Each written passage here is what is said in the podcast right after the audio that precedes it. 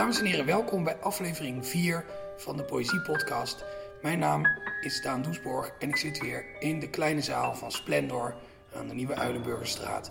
En dit keer zit ik hier met Jonathan Griffioen, die vorig jaar debuteerde met de dichtbundel Wijk bij uitgeverij Lebowski. Jonathan, je kijkt heel twijfelachtig. Ja, technisch gezien is het 2015. Oh, het was 2015. November 2015, dat is wel bijna 2016. Jonathan Griffioen, een oude rot in het vak, die alweer twee jaar geleden debuteerde met zijn bundel Wijk bij uitgeverij Lebowski. Jonathan, welkom. Dank je. Ehm, ja, laten we maar meteen beginnen met het gedicht van James Tate dat jij hebt eh, meegebracht. Ik zou zeggen, steek van wal. Ah ja, eh, Good Time Jesus. Jezus werd wakker die dag, een beetje later dan gewoonlijk. Hij verkeerde in een dusdanig diepe slaap dat er niets meer over was in zijn hoofd. Wat was het? Een nachtmerrie. Overal rondom hem wandelden de dode lichamen. Witte ogen, afbladderende huid, maar daar was hij niet bang van geworden. Het was een prachtige dag. Heb je zin in een bak koffie? Zekers te weten. Ga een stukje rijden op mijn ezel. Ik hou van mijn ezel. Man, ik hou van iedereen. Dankjewel. De vertaling is van jou, Ja. toch? Ja. Ik wil het zo nog wel eventjes hebben over vertalingen en die zelf Mhm. maken als je ook dichter bent. Maar eerst, eh, waarom heb je gekozen voor dit gedicht van James Tate? En waarom überhaupt een gedicht van James Tate? En wat heb je met James Tate? Nou, ik, ik leerde James Tate kennen door, eh, door, door Anneke Klaus. Die, die, die heeft me een boek geleend. En ja, het is eh, poëzie zonder, zonder stijlmiddelen, zeg maar. Het, het, het zijn eigenlijk, eigenlijk gewoon ZKV's. Heel lang en eh, niet esthetisch, zeg maar, niet gestileerd. Heel, eh, heel, heel ruw, heel veel dialogen met daarachter een hij-zij, een dialoog, zij-zij. Heel houterig. En eh, ik had het boek gelezen en toen dacht ik, "Mwah." toen later toen was, eh, was er de Turing. Er zat daar ook een gedicht tussen van eh, Raf de Haas. Ik weet niet of ik dat goed zeg. En eh, dat, dat ging ook over, over Jezus en een plastic boom. En toen postte eh, Samuel Friese dit gedicht. En ik, ik vind dit... eh, het mooie aan dit gedicht is dat je het als heel cynisch kunt lezen. Van, hè, de, de Jezus wordt een beetje neergezet als een, als een nozem. Weet je die, die zwak wordt en denkt... Nou, ga een kopje koffie drinken, een stukje rijden op mijn ezel. Ik vind het allemaal wel best. Ik, eh, ik hou van iedereen. Maar ja, je kan het ook heel positief opvatten, zeg maar. Het, het werkt meerdere kanten op, zeg maar, zonder dat het meer naar de een of naar de andere kant neigt. Ja, je kan natuurlijk net zo makkelijk lezen als een soort een moderne versie van waarom je Jezus eigenlijk zo'n toffe peer zou moeten vinden. Ja. Juist omdat hij ook Ja. in de Bijbel eigenlijk zo'n figuur is die zegt: Ik hou van iedereen, Ja. dat maakt allemaal niet zoveel Ja, uit. boeren gewoon allemaal... Ja, precies. Geeft niet. Het is waar, hij, hij gaat heel erg, ja, heel erg slinks eigenlijk tussen die twee interpretaties in zitten, zonder zich aan eentje te, te committeren. Maar die James Tate, ik kende hem helemaal niet, maar ik heb me natuurlijk, eh, zoals dat hoort, een beetje ingelezen. Hij was ook een heel atypisch figuur, toch, voor een dichter. Hij zat bij een bende, geloof ik, en hij heeft wel eens Oh, gezegd echt? van, Ja. oh ja, poëzie, dat interesseerde me allemaal niet. Totdat hij het ging doen en ineens ontdekte dat hij dat... Ja, dat hij daar iets in kwijt kon, dat hij nergens anders in kwijt kon. Dat Ja. hij van poëzie een soort ruimte kon maken waar hij, eh, waar hij naartoe kon gaan en, Hm. en waar het hem beviel. Ja. Ja, dit is, dit is allemaal nieuwe informatie. voor Ja, mij. nee, Dus, ik, eh, ik zat me ook af te vragen of hier nu nog een vraag achter kwam of niet. Maar het- wat, wat voor bende dan? Was dat een soort bende als eh, de bende van Picasso of zo? Of echt een, Nee, echt een een, meer eh, zeg maar. Ja, het is wel gewoon een soort, als een soort straatbende of zo. Ik had dit misschien nog iets beter moeten researchen voordat ik hierover Ja. begon. Nee, het- ik, sommige mensen doen dat, hè? Ook, ook met, eh, met, met beentjes en zo. Die, eh, die gaan dan, eh, zodra ze muziek mooi vinden, gaan ze gelijk allemaal biografische informatie over de, over de bandleden opzoeken. En ik, ik heb soms die neiging ook heel erg, maar me- meestal niet eigenlijk. Meestal vind ik gewoon een gedicht mooi of een, of een liedje mooi en dan, dan vind ik het goed. Maar ben je dan ook demonstratief niet geïnteresseerd in de persoon Nee, nee, nee dat, is, dat is geen statement. Dat is, dat is geen, geen postmoderne. Oh, het gaat om het gedicht. De auteur is dood. eh, dat. Ik heb soms die neiging wel en soms die neiging niet. De auteur is trouwens wel dood. Hij is Ja, in hij is- hij is- 2015 hij is eh, knetterdood. Nou, nog maar twee jaar. ongeveer, eh, eh, ongeveer zo lang als, eh, als jij gedebuteerd eh, bent. Ik heb niet op de datum gelet. Daar zit misschien nog ja. wel iets spannends in. Ja. Je hebt dit gedicht zelf vertaald. Ja. Waarom dacht je, ik ga een gedicht van James Tate vertalen? Ik, ik vertaal al wat langer gedichten gewoon voor de, voor de lol. Ook om er iets van te leren. Want als, je een gedicht vertaalt, als je eh, iets eh, vanuit de ene taal naar de, naar de andere eh, vertaalt, moet, je het helemaal uit elkaar halen. Talen lopen ook nooit parallel aan elkaar. Dus je, moet altijd op zoek naar een soort. Je maakt altijd een concessie. Dat vind ik heel leerzaam, vind ik ook heel leuk. Het is alleen jammer dat ik naast Nederlands alleen maar Engels spreek, kan lezen. Ik vond het ook stom om, eh, om in het Engels eh, voor te gaan lezen. Ik kan dat wel, maar dan, ik vind het altijd heel belachelijk klinken als Nederlanders Engels spreken. Ik vind dat niet, niet charmant of zo, zoals, zoals de Fransen. Dat, eh, Nee, Nee. we hebben wel een beetje een, Een- een klonterig accent. heel lomp is het. Dat ja. is waar. Ja.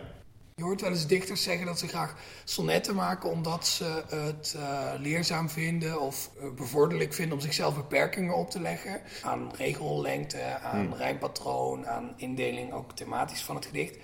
In die zin is een vertalingsschrijver natuurlijk het, het ultieme jezelf beperkingen opleggen. Want de, de inhoud ligt al vast, de regellengte ligt al vast. Als Ja. het rijmt ligt het rijm ook al vast. Ja, de regellengte ligt niet echt vast. Het ligt er een beetje aan hoe je, hoe, hoe je vertaalt. Zeg maar. Ja, Of dat is je, waar. Of je vertaalt op een metrum, of dat je, dat je echt gaat kijken naar, eh, naar de inhoud, naar de beelden, om die heel te houden. Soms moet je ook echt op zoek naar een nieuwe cadans. Gewoon omdat het niet lukt om de, om, om de oude intact te houden. Ja, dan, gaat het, dan, dan past het inderdaad niet allebei. Maar als het gedicht Ja. wel heel regelmatig is, dan moet je een soort nieuwe regelmaat. Ja, als je, als je merkt inderdaad dat het, eh, eh, dat het heel erg de bedoeling van de dichter was om in, in een bepaald metrum te blijven. En je neemt dat niet over, dan maak je het gedicht eigenlijk een beetje kapot. Ja, Yates die staat daar heel erg om bekend. Hè, dat hij metrum zo ontzettend belangrijk vond dat hij ook in zijn voordracht dat heel erg erin. Dat hij zei, nou, eh, poëzie is een soort gestileerde vorm van taal. En ik vind dat als je poëzie voordraagt, je hebt tegenwoordig van die dichters, dat was toen al, was dat hip en modern, die eh, een gedicht voordragen alsof ze gewoon een gesprek aan het voeren zijn. Maar ik vind,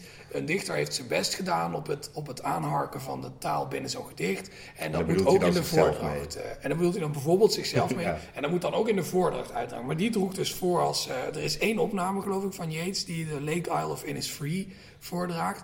En eh, dat gaat dan echt zo van... I will arise and go now and go to Innisfree...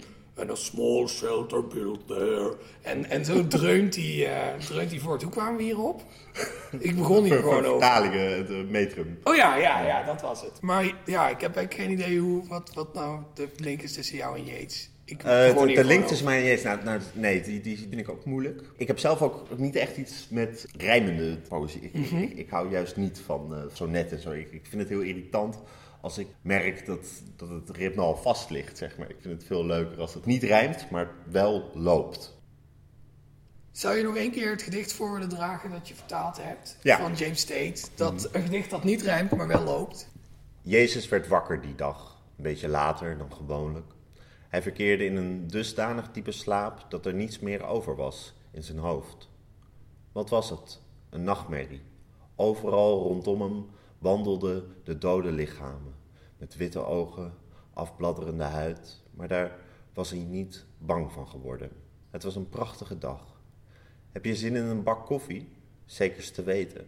Ga een stukje rijden op mijn ezel.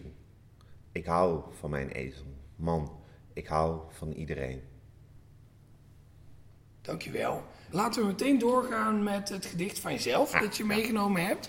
Want eh, wat mij heel erg opviel aan jouw keuze voor James Tate is dat hij in die zin best wel op jouw werk aansluit. Hij is zo'n dichter die best wel dichterlijke passages, hè, zoals overal rondom hem wandelde de dode lichamen, witte ogen, afbladderende huid. Dat is best een beetje, in dit geval dan op een griezelige manier, best een beetje lyrisch. Ja. En dat wisselt hij dan af met best wel banale en Ja. spreektaalachtige dingen. En ja, misschien ben je het daar helemaal niet mee eens, maar dan moet je dan maar nadat je dit gedicht hebt voorgedragen zeggen. Of ervoor, wat jij wil. Maar ja, ik, ik vind zelf dat ook een van de kenmerken en ook een van de kwaliteiten van jouw poëzie. Dat je aan de ene kant onmiskenbaar een dichter bent die gedichten schrijft, maar tegelijkertijd is dat bij Vlagen ook juist helemaal niet duidelijk uit die gedichten. En is het net alsof je ergens in wijk bij duursteden in een schimmig portiek staat en een soort eh, gesprek hoort tussen mensen. Ja. Vind je dat ook of zeg ik nu Eh, nee, nee ik, ik ben, het daar, eh, ben het daar wel mee eens. Ik vind, dat, ehm, ik vind het altijd heel lelijk als een gedicht alleen maar schoonheid bevat. Alleen maar schoon. Ik vind het altijd... Simon Vinkenhoog, die zei ooit, of die, die zei ooit, die, die zegt aan het begin, in, in zo'n nummer met Spinvis, Ting Ting Ting heet het geloof ik. dan zegt hij, eh, je probeert ze, en dat zijn dan de mensen, een beetje een poëtische stemming te brengen. Want het is heel leuk als de hele dag een beetje poëtisch verloopt.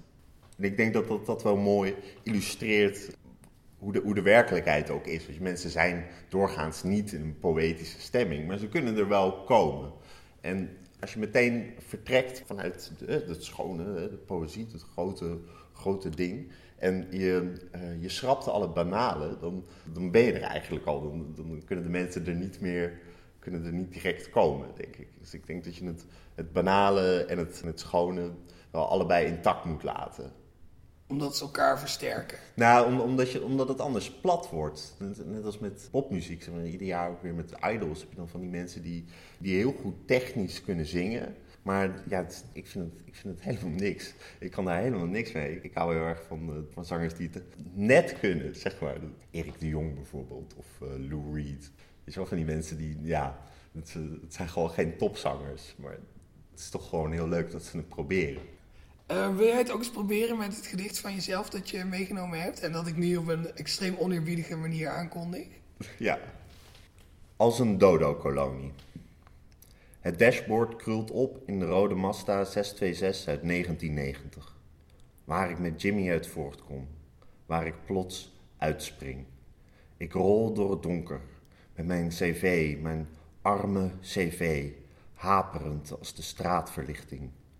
Ik krabbel op en beweeg in de kleine ruimte tussen geslaagde mensen. Werkelijk, jongens, ik ben van jullie gaan houden. Jullie zijn zo goed gelukt als een dodo-kolonie. En ik begin langzaam te wennen aan al jullie vieringen, dronken van Mario Kart en Marx. Trek me alsjeblieft niet in twijfel zoals ik in twijfel ben getrokken. Zeg me of we op mogen staan. Gaan we al werken? Want mijn hoofd is rood geworden van de ijver in mij. En mijn handen zijn rood als mijn hoofd op een tafel vol replica's van Darth Vader's lichtzwaard. Dadelijk ben ik begeesterd, ben ik gelovig, ben ik niet meer mijn buik. Ben ik mijn buik en mijn rug en de dark side, kruinen en vliezen vergeten. Ik ben mijn buik vergeten. Jullie zijn mijn buik vergeten. De lucht die we sinds de puberteit binnenhielden is ontsnapt. Dankjewel. Een nieuw gedicht, toch? in die zin uh, dat het niet in je bundel staat, maar wel op uh, auto.nl. Nee, dit is, dit is echt een nieuwe werk. Ja. Echt splinter, splinternieuw. Heet van de naald. Ja. Oké, wat, wat spannend. Nee, ik, ik ben nu bezig met een, uh, met een tweede dichtbundel. Net zoals Wijk een overkoepelend verhaal had of zo. Ik wil nu ook weer een, een overkoepelend niet-verhaal, zeg maar. Dus ik wil een beetje af van, van het saaie gedoe over of iets nou proza of, of poëzie is. Uh, ik wil gaan kijken wat, uh, wat, wat voor mogelijkheden er zijn buiten dat narratief om. En ik heb nu allemaal gedichten waar dan, waar dan ene Jimmy in zit en, uh, en die rode Mazda 626 uit 1990. Ik vind het wel echt een ontzettende auto voor in een gedicht van jou ook. Of, of eentje van Dennis Gaans. Ja, de, ik, dat is wel grappig. Want nadat ik het bedacht had, dat is, dat is echt waar, dat klinkt natuurlijk nou prachtig. Toen kwam ik het tegen in Hallo Muur van uh, Erik Jan Harmens. Dus, uh, oh ja, dat is ook wel iets wat, uh, waar Harmens mee op de proppen komt. Inderdaad. Ja. ja, inderdaad. Hij is ook wel iemand voor een, een rode Mazda 626 ja. uit 1990. Jouw bundel Wijk, ik had de indruk dat jouw, jouw bundel heel erg in een soort autobiografische sfeer zat nou ja, misschien heb ik dat ook helemaal niet zelf bedacht, maar stond dat ook wel gewoon in het, in het verkooppraatje van de uitgever of op de achterkant.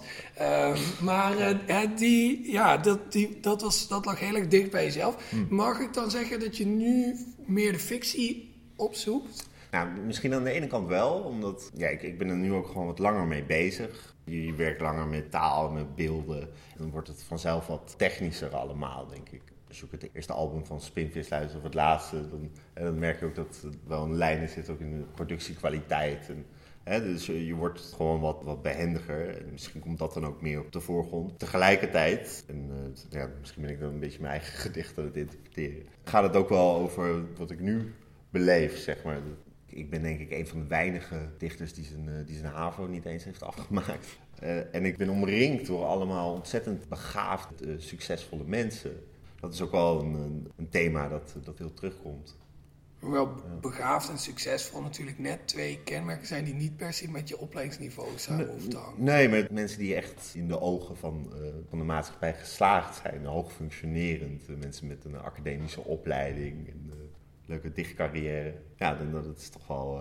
ik bedoel, weet je, mensen die die, die niet van, van, van, van poëzie houden of zo, die, die, zijn, die zijn niet van mij de, onder, de, onder de indruk of zo. Terwijl ze dat misschien dan van jou bijvoorbeeld wel zouden zijn. Maar van jou als persoon of van jouw werk? Of? Nou, gewoon van, van wat ik doe. Zeg maar, want ja. ik, ik, ben nu alleen aan het schrijven. En dat, dat, betekent voor sommige mensen helemaal niks als je, als je niet bij DWDD hebt gezeten. Maar ik ben ook een beetje alleen maar aan het schrijven eigenlijk. Ik heb ook nog nooit bij DWDD gezeten. Dus ik weet niet. Uh... Nee, maar ik, ik neem jou als voorbeeld omdat, je, omdat jij wel gestudeerd hebt. Ja, dat, ja. dat heb ik wel inderdaad.